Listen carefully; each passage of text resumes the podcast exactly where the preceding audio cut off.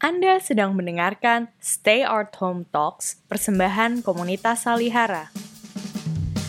Dalam Stay Art Home Talks volume kedua ini, kami menghadirkan perbincangan dan pembacaan karya sastra Indonesia dengan merujuk 11 plus 1 kata kunci pada peta sastra Indonesia yang disusun oleh komunitas Salihara. Selamat mendengarkan! Surat Kepercayaan Gelanggang. Asrul Sani. Kami adalah ahli waris yang sah dari kebudayaan dunia. Dan kebudayaan ini kami teruskan dengan cara kami sendiri. Kami lahir dari kalangan orang banyak Dan pengertian rakyat bagi kami adalah kumpulan campur baur dari mana dunia-dunia baru yang sehat dapat dilahirkan. Keindonesiaan kami tidak semata-mata karena kulit kami yang sawo matang, rambut kami yang hitam, atau tulang pelipis kami yang menjorok ke depan, tetapi lebih banyak oleh apa yang diutarakan oleh wujud pernyataan hati dan pikiran kami. Kami tidak akan memberi kata ikatan untuk kebudayaan Indonesia. Kami tidak ingat akan melap-lap hasil kebudayaan lama sampai berkilat dan untuk dibanggakan. Tetapi kami memikirkan suatu penghidupan kebudayaan baru yang sehat. Kebudayaan Indonesia ditetapkan oleh kesatuan berbagai-bagai rangsang suara yang disebabkan suara-suara yang dilontarkan dari segala sudut dunia dan yang kemudian dilontarkan kembali dalam bentuk suara sendiri. Kami akan menentang segala usaha-usaha yang mempersempit dan menghalangi tidak betulnya pemeriksaan ukuran nilai. Revolusi bagi kami ialah penempatan nilai-nilai baru atas nilai-nilai usang yang harus dihancurkan. Demikian kami berpendapat bahwa revolusi di tanah air kami sendiri belum selesai dalam penemuan kami, kami mungkin tidak selalu asli. Yang pokok ditemui itu ialah manusia. Dalam cara kami mencari, membahas, dan menelaahlah kami membawa sifat sendiri. Penghargaan kami terhadap keadaan keliling masyarakat adalah penghargaan orang-orang yang mengetahui adanya saling pengaruh antara masyarakat dan seniman. Jakarta, 18 Februari 1950 Pemirsa, kembali lagi bersama saya Zen Hai dalam Stay at Home Talks episode Surat Kepercayaan Gelanggang dan Budaya Dunia. Baru saja kita mendengarkan pembacaan petikan Surat Kepercayaan Gelanggang oleh Arif Sopyan. Kali ini eh, perbincangan kita akan ditemani oleh Bung Nirwan Dewanto. Halo Bung. Ya, halo Bung Zen. Oke, uh, saya perlu perkenalkan kepada Anda sekalian sedikit tentang Bung Nirwan. Uh, dia adalah seorang sastrawan dan kritikus seni. Buku puisinya Jantung Lebah Ratu dan Buli-Buli Lima Kaki memenangi Kusala Sastra Katulistiwa. Dia juga menulis sejumlah esai bukan hanya tentang sastra tetapi juga tentang teater, seni rupa, dan kebudayaan populer. Buku esainya antara lain adalah Senjakalah Kebudayaan, Satu Setengah Mata-Mata, dan terakhir adalah Kaki Kata. Ah, sebelum perbincangan ini bermula, saya ingin mungkin ingin mengantar sedikit bahwa pokok pembicaraan kita kali ini adalah sebuah generasi sastra yang muncul sejak zaman pendudukan Jepang yang dikenal sebagai Angkatan 45 kita tahu bahwa generasi ini terdiri dari banyak uh, sastrawan, bukan hanya Hairil Anwar, Asrul Sani, Rifai Apin, dan Pramudia Anantatur, tetapi juga sejumlah penulis dari golongan kiri yang kemudian bergabung dengan Lembaga Kebudayaan Rakyat. Meskipun sudah berproses sejak zaman pendudukan Jepang, generasi ini baru katakan menulis semacam manifesto politik angkatan 45 pada tahun 50 yang waktu itu ditulis oleh salah seorang pemikir dari generasi ini yaitu Asul Sani. Surat Kepercayaan Gelanggang terbit pada tahun 50 artinya hampir eh, 10 tahun eh, generasi ini berproses. Nah, saya ingin bertanya kepada Bung Dirwan, sebetulnya bagaimana orientasi budaya dunia yang dimaksud oleh Asrul dalam hal ini yang menandai angkatan 45 secara keseluruhan. Silakan, Bung. Ya, angkatan 45 ini adalah sekelompok orang seniman, sastrawan yang berkembang sejak masa pendudukan Jepang hingga seterusnya ya. E, kalau disebut kebudayaan dunia, maka sebenarnya yang dimaksud itu adalah perluasan sumber-sumber bahan bacaan, sumber-sumber ciptaan. Yang bukan sekedar barat. Barat itu kan harus dirumuskan sebagai satu kekuatan yang memang dominan pada waktu itu, paling tidak kekuatan kolonialisme. Kolonialisme itu juga bisa dilihat sebagai tanda kemajuan kan. Orang yang maju menjajah orang yang kurang maju. Nah pada angkatan Pujangga Baru kelihatan sekali orientasi itu ya. Membangun masyarakat itu harus salah satunya adalah bercermin pada nilai-nilai eh, ilmu, individualitas dan seterusnya itu disuarakan oleh takdir. Tapi orientasi itu kan lawannya adalah timur. Jadi timur barat, timur barat. Timur itu dianggap sebagai satu wilayah yang eh, dulu pernah luhur dan sekarang dijajah. Nah, angkatan 45 berusaha mengatasi itu.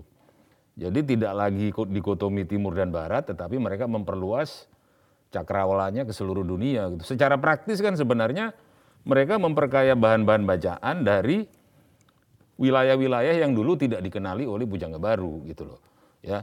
Misalnya kalau Pujangga Baru dulu orientasi artistiknya itu angkatan 80-an Belanda, ketinggalan 50 tahun gitu, maka angkatan 45 itu sezaman, kontemporer gitu ya. Mereka membaca Eliot, Hemingway, uh, Auden, uh, dan seterusnya. Dan kemudian juga kalau angkatan 45 itu dilihat sebagai bukan hanya sastrawan, tetapi juga orang-orang yang tumbuh di masa Jepang, mereka kan juga memperluas cakrawalannya ke kebudayaan daerah. Dalam seni rupa itu kelihatan. Dalam seni rupa itu karena sponsor eh, pusat kebudayaan dalam bahasa Jepang Keimin Bunkashi Dosho, ya, mereka diberi kesempatan, di, bahkan diberi dukungan untuk menjelajah ke seluruh Nusantara untuk mempelajari dan menggali dari kebudayaan daerah. Jadi perluasannya itu dua-dua sisi sebenarnya. Pada zaman uh, Pujangga Baru kan yang disebut timur itu kan timur dalam pengertian yang ideal ya, Jepang, Cina, India gitu. Kalau dalam masa Jepang kemari itu timur itu ya ya kita tahu pelukis-pelukis itu mencari ke kebudayaan Dayak, Toraja dan seterusnya gitu. Dan barat juga barat yang lebih luas daripada sekedar baratnya uh, Pujangga Baru. Maka itu semua didefinisikan sebagai dunia. Meskipun dunia itu tentu saja tidak mungkin terlalu luas. Itu sangat tergantung pada bahan-bahan bacaan atau kesempatan yang tersedia pada waktu itu. Itu, tapi cakrawala mereka sudah lebih luas. Itu. Dunia dalam pengertian angkatan 45 itu. Dan jangan lupa pada waktu itu pengarang-pengarang kiri itu juga berorientasi pada Rusia kan. Ya. Pada sastra Rusia kan. Gorky misalnya gitu. Yang itu tidak ada pada masa Bujangga Baru. Itu. Misalnya. Oke, Bung, eh, tadi Anda sudah menyebut bahwa sebetulnya orientasi Pujangga Baru juga ke Eropa ke Eropa lah ya, mm -mm. atau dunia sebelah barat. Yeah. Namun kan kemudian oleh generasinya Hairil Anwar ini diperluas lagi kepada wilayah Amerika Utara dalam puisi misalnya modernisme uh, modernisme Amerika Utara, Eliot, Auden dan uh, sejenis itu. Nah, uh, kalau boleh disebut apakah generasi ini adalah sebuah kelanjutan dari generasi uh, pujangga baru atau patahan yang memang mau mencari selah baru sehingga dia kelihatan sebagai sebuah generasi yang berbeda. Dua-duanya benar ya. Kalau dilihat sebagai kelanjutan maka sebenarnya kan semangat eh, modernisasi itu ada pada angkatan 45 ya. Modernisasi dalam pengertian bahwa kita harus melompat dari keterbatasan e, masyarakat jajahan atau masyarakat pasca jajahan gitu. cita cita-cita modernisasi itu ada. Kalau angkatan 45 kita tafsirkan lebih luas lagi, maka modernisasi politik sudah pasti terjadi ya. Nah, tetapi e, apakah itu patahan? Itu bukan sekedar patahan. E, Khairil Anwar itu kan secara artistik atau secara puitikanya itu kan melanjutkan Amir Hamzah sebenarnya, ya. ya apa itu yang dilanjutkan adalah bahwa tenaga puisi itu adalah kata ya, hmm. atau frase, bukan kalimat. Ya. Ya. kata atau frase gitu, bukan kalimat. Tetapi tentu saja Khairil memperkaya itu dengan eh, penyerapannya yang sangat baik pada kasana-kasana yang sudah disebut tadi. Modernisme dari eh, Eropa Utara atau Eropa Barat dan Amerika Utara gitu. Nah, yang berbeda apa? Angkatan Pujangga Baru itu sebenarnya boleh dikatakan mereka itu hanya mengenal satu jenis modernisasi, yaitu modernisasi sosial, ya. Modernisasi sosial itu adalah alat untuk memajukan masyarakat. Sarana untuk memajukan masyarakat. Masyarakat harus menjadi modern gitu. Nah, pada angkatan 45 itu modernisasi sosial itu dianggap tidak cukup, harus ada modernisme artistik. Dan itu berbeda. Modernisasi sosial, modernisasi sosial itu adalah alat untuk membangkitkan eh, memajukan masyarakat melalui sarana-sarana sosial, politik, ekonomi kan. Tetapi ternyata modernisme artistik, eksperimentasi artistik itu bisa tidak sejalan dengan itu. Nah, itu angkatan 45 menyadari dan di angkatan pujangga baru itu tidak terlalu disadari bahwa ter, jadi itu bedanya gitu. Modernisme artistik itu adalah kritik terhadap modernisasi sosial atau bahkan bisa bertentangan. Khairil Anwar misalnya. Khairil Anwar itu kan sebenarnya menyatakan apa ya? Menyatakan suatu kritik terhadap modernisasi sosial gitu. Bahwa tidak semuanya, tidak semua sektor masyarakat itu bisa dibegitukan. Ada unsur-unsur yang sifatnya itu tidak bisa dikendalikan, ya, dan itu lahir terutama melalui seni, gitu. Nah itulah modernisme artistik, artistik modernisme sebenarnya. Dalam hal ini juga bedanya dengan Pujangga Baru, itu ideologi itu juga diserap juga dari modernisme yang ada di luar, gitu. Saya kira itu bedanya. Bung, saya mau mempertegas apa yang Anda sebut sebagai modernisme artistik ya. Mm-mm. Tadi misalnya Bung menyebut bahwa ini sangat disadari oleh generasi Hairil Anwar. Uh, saya mau coba membandingkan kembali dengan apa yang ditempuh oleh Takdir dan kawan-kawan ya. Yeah. Bahwa mereka kan pada masa itu mengambil alih satu bentuk uh, baru yang disebut sonet atau soneta. Mm. Dan itu kan sebetulnya mereka mencangkokkan bentuk baru itu dengan tradisi atau puitika pantun ya. Karena ada kesejajaran bentuk uh, antara sampiran dan isi pada pantun dengan uh, uh, apa baris-baris uh, delapan pertama dengan enam terakhir pada uh, soneta. Apakah itu juga bukan bagian dari upaya modernisasi artistik yang penting yang bisa dijadikan penanda kebaruan generasi pujangga baru? modernis modernisasi artistik dalam pengertian pujangga baru itu betul mengadopsi bentuk-bentuk yang misalnya sonet ya. ya. Sonet itu kan cocok banget sama pantun ya. ya. Cocok sampiran, isi, kemudian apa keteraturan baris dan larik gitu. Tetapi saya kira rata-ratanya mereka Yamin misalnya ya, Yamin atau Sanusi Panik itu kan e, boleh dikatakan sebagai orang yang melihat puisi itu sebagai alat, alat untuk modernisasi sosial gitu loh. Jadi segi formal puisinya itu sendiri tidak terlalu penting sebenarnya, tidak terlalu penting. Puisi adalah sarana untuk membangkitkan kesadaran, misalnya kesadaran nasionalisme gitu ya. Saya tidak mengatakan bahwa angkatan 45 itu tidak punya nasionalisme, tetapi bedanya adalah angkatan 45 itu sadar pada formalisme, pada formalisme bentuk, ya. Tadi saya mengatakan unit unit terkecil atau unit mendasar dari puisi itu kata atau frase gitu. Kesadaran itu belum ada pada Bujangga Baru. Ada bibitnya pada Amir Hamzah gitu loh ya. Tetapi formalisme poetikanya itu kemudian sangat kelihatan pada Khairil gitu. Di mana Khairil memberi tekanan yang sangat penting kepada eh, kepada kata dan frase. Caranya bagaimana? Macam-macam. Caranya dengan menggunakan sonet tapi dirusak bentuknya.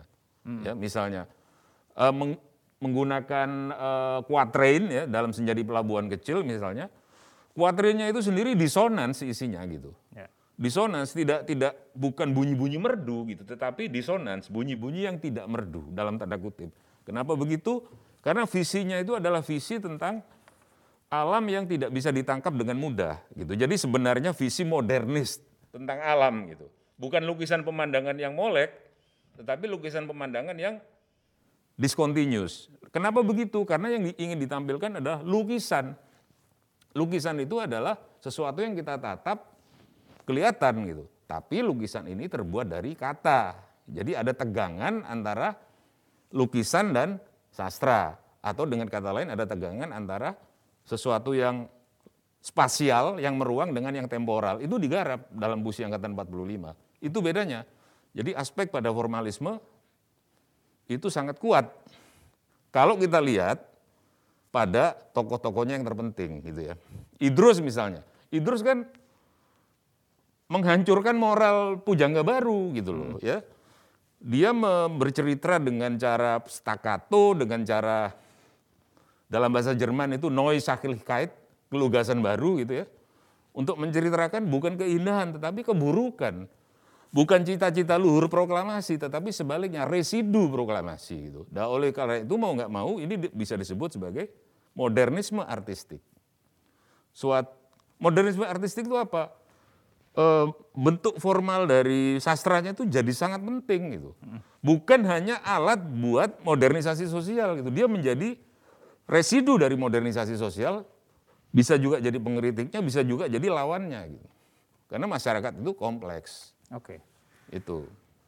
Bum, saya mau menandai lagi satu hal ya bahwa apa yang dikerjakan Hairil dan kawan-kawan itu kan punya konteks sosial yang penting yaitu Perang Dunia Kedua ya sehingga kemuraman, kehancuran ah, dalam puisi-puisi Hairil itu kan menjadi lanskap yang generik misalnya aku berkisar di antara mereka apa yang dikerjakan Idrus dengan luka perang pada zaman Jepang dan seterusnya itu saya kira itu yang mungkin menandai secara khas generasi ini jika kita bandingkan dengan apa yang dikerjakan melukis secara molek alam dalam tatapan seorang Amir Hamzah atau uh, uh, Takdir Sabana. Ah, bagaimana pendapat Bung Tang itu? Ada konteks yang besar sekali yaitu uh, Perang Dunia Kedua, ya zaman Jepang, kemudian tentu saja revolusi kemerdekaan.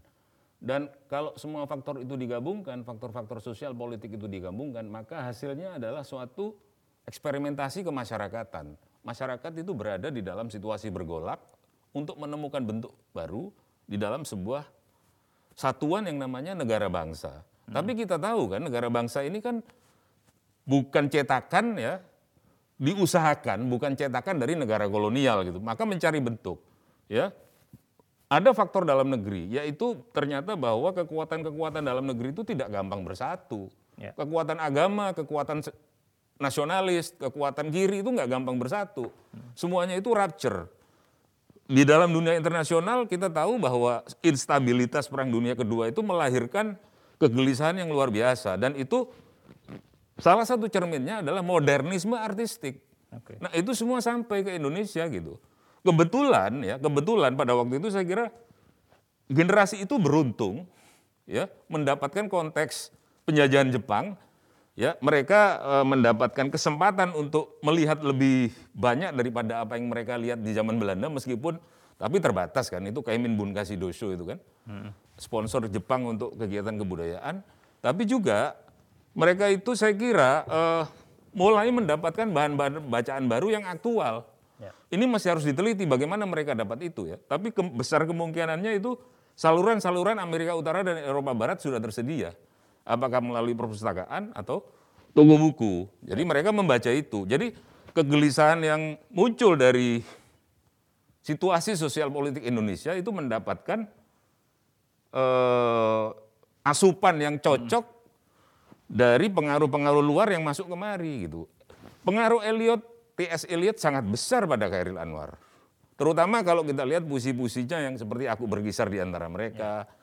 Kemudian yang tahun-tahun terakhir menjelang dia meninggal itu sangat apa namanya imagery atau pencitraan sangat tanah gersang itu ya. sangat kuat gitu ya. puisi bebas puisi bebas juga kan pengaruh dari modernisme dunia sebenarnya hmm.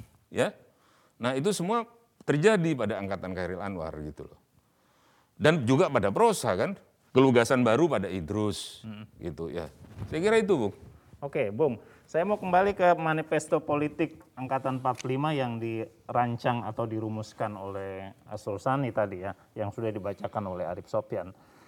Uh, kenapa uh, statement atau manifesto ini baru muncul setelah Hairil Anwar berpulang ya? pada tahun 50 dan uh, isinya kan sebetulnya semacam kami supaya diakui ahli waris yang sah seakan-akan ada ahli waris yang tidak sah dari budaya dunia yang berlaku pada saat itu. Kenapa dia baru muncul pada paruh uh, kedua akhir paruh kedua uh, tahun 40-an?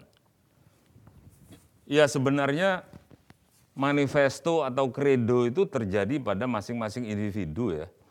Tapi kan kalau kita lihat surat kepercayaan gelanggang itu lahir pada tahun 50 dan banyak orang mengatakan itu bisa dianggap menurut TU antara lain TU ATU itu itu pernyataan budaya politik atau politik budaya angkatan 45 yang terpenting. Tapi saya kira itu agak terlalu luas. Jadi surat kepercayaan gelanggang itu lebih mewakili sikap sikap liberal dari angkatan 45 gitu loh ya. Dan kita tahu bahwa tahun 50-an itu uh, suara kiri sudah lebih kuat, sudah muncul dan kuat kan. Saya kira mereka nggak terlalu setuju juga dengan itu. Namun demikian ya, jadi pada tahun 50 itu saya kira mereka sudah lebih mengendap dan mereka melihat bahwa nasionalisme itu ternyata banyak berisi uh, chauvinisme atau ultranasionalisme gitu loh. Hmm. Jadi ini juga menjawab bahwa eh kita ini menjadi negara bangsa tapi kita jangan jangan anti terhadap kemanusiaan. Jadi ya. kemanusiaan itu kan maksudnya orang ini lebih dulu lahir sebagai manusia daripada sebagai bangsa gitu loh. Sehingga prinsip-prinsip kedaulatan manusia itu sudah mulai disadari pada waktu hmm. itu dan mereka harus menunggu sampai dengan penyerahan kedaulatan sampai dengan Republik Indonesia berdiri. Okay. Jadi sudah cukup mengendap kalau menurut saya. Ya. Sehingga mereka bisa melihat pengalaman revolusi itu dengan lebih jernih. Yang kedua lagi ya mereka mau menegaskan bahwa sumber-sumber mereka itu tidak dibatasi atau tidak bisa dibatasi oleh nasionalisme gitu. Bung, saya mau bertanya satu hal yang terakhir menurut saya. Kalau kan salah satu kritik terhadap angkatan 45 itu adalah karena orientasi budaya mereka yang terlalu uh, dunia terlalu luas sehingga misalnya pada muka di Lekra tahun 50 yang muncul bulan Agustus itu disebut kembali bahwa revolusi 45 itu harus dikembalikan kepada rakyat sebagai agen utama ya. Artinya orang kebanyakanlah yang menjadi menjadi agen dari kebudayaan Indonesia. Itu yang saya kira mungkin adalah kritik dari sebelah kiri terhadap konsepsi angkatan 45 tentang budaya dunia. Nah, uh, kalau kita melihat dari sisi ini sebetulnya apa makna keindonesiaan untuk generasi Hairil dan kawan-kawan? Sehingga mereka menjangkau sebuah dunia yang sangat luas Sisanya di mana keindonesiaan mereka? Itu keindonesiaan itu terlihat dari karya mereka sebenarnya. Ya. Jadi itu bukan suatu kenyataan yang preskriptif, artinya dirumuskan dulu terus kemudian dicari tidak ya sebenarnya. Jadi eh, di mana keindonesiaan mereka? Misalnya kita bisa lihat dalam sastra keindonesiaan mereka terlihat pada penggunaan bahasa Indonesia yang baru sama sekali. Baru dalam pengertian bahwa bahasa sastra mereka mengadopsi sekian banyak ragam cakapan ya ragam tinggi maupun ragam bawah dan menjadikan uh, itu menjadikan sastra Indonesia generasi mereka gitu pada Kairil gitu uh, pada Idrus ada kelugasan baru tapi pada seni lukis kan juga sama gitu ya. sebenarnya Avandi Sujoyono itu kan uh, merumuskan prinsip jiwa ketok jiwa nampak ya. itu kan untuk mencari apa yang mereka sebut dengan apa namanya? Sesuatu yang bersifat Indonesia tentu saja itu bukan selesai pada waktu itu. Itu cakrawala yang nun jauh di sana tapi kenyataannya ada. Kalau kita lihat seni rupa mereka itu ya itu seni rupa seni rupa yang yang dicari dalam konteks Indonesia gitu loh. Nah tentang kritik ya kosmopolitanisme itu kan kadang-kadang juga dikritik dari dalam. Asrul sendiri kan mengatakan hmm. di, pada sebuah seminar di Belanda tidak lama setelah itu kan kita harus kembali ke desa dan memang kan cerpen-cerpen Asrul juga banyak yang temanya desa kan. Iya. Dari suatu masa, dari suatu tempat. Jadi memang ada suatu apa ya, suatu otokritik yang menyatakan bahwa kosmopolitanisme itu juga harus dicari, harus didekatkan gitu ya pada pada sesuatu yang ada di depan mata gitu. Oke. Kalau angkatan itu tidak belum menemukan dengan luas atau dengan baik, maka kurang lebih selisih satu, eh, satu atau setengah angkatan kemudian datang. Tapi lebih ekstrim lagi. Eh, niat untuk menggali kebudayaan daerah lebih besar pada waktu itu ya. Jadi eh, pada Rendra, ya Rendra kepada Ayub Rosidi, Ramadan KH, itu kan orientasinya lalu berbalik gitu loh. Seakan-akan kosmopolitanisme itu diartikan lagi sebagai barat lalu harus dilawan dengan kembali ke tanah sendiri gitu. Jadi terlalu ekstrim menurut saya. Jadi ya apa boleh buat eh, Indonesia sendiri sebagai negara yang baru ya kaum kebudayaannya itu, kaum kebudayaan itu istilah Asrul Sani, itu ya memang bergulat dengan masalah identitas gitu. Ketika politik identitas belum ada seperti sekarang. Ya. Saya kira itu, jadi itu jawaban terhadap uh, suatu gejolak dari republik yang baru berdiri dan juga terhadap situasi global di mana pasca Perang Dunia Kedua itu masih menyisakan apa ya instabilitas yang yang membuat bangsa-bangsa baru ini masih goncang. Mereka kan belum punya kekuatan ekonomi itu.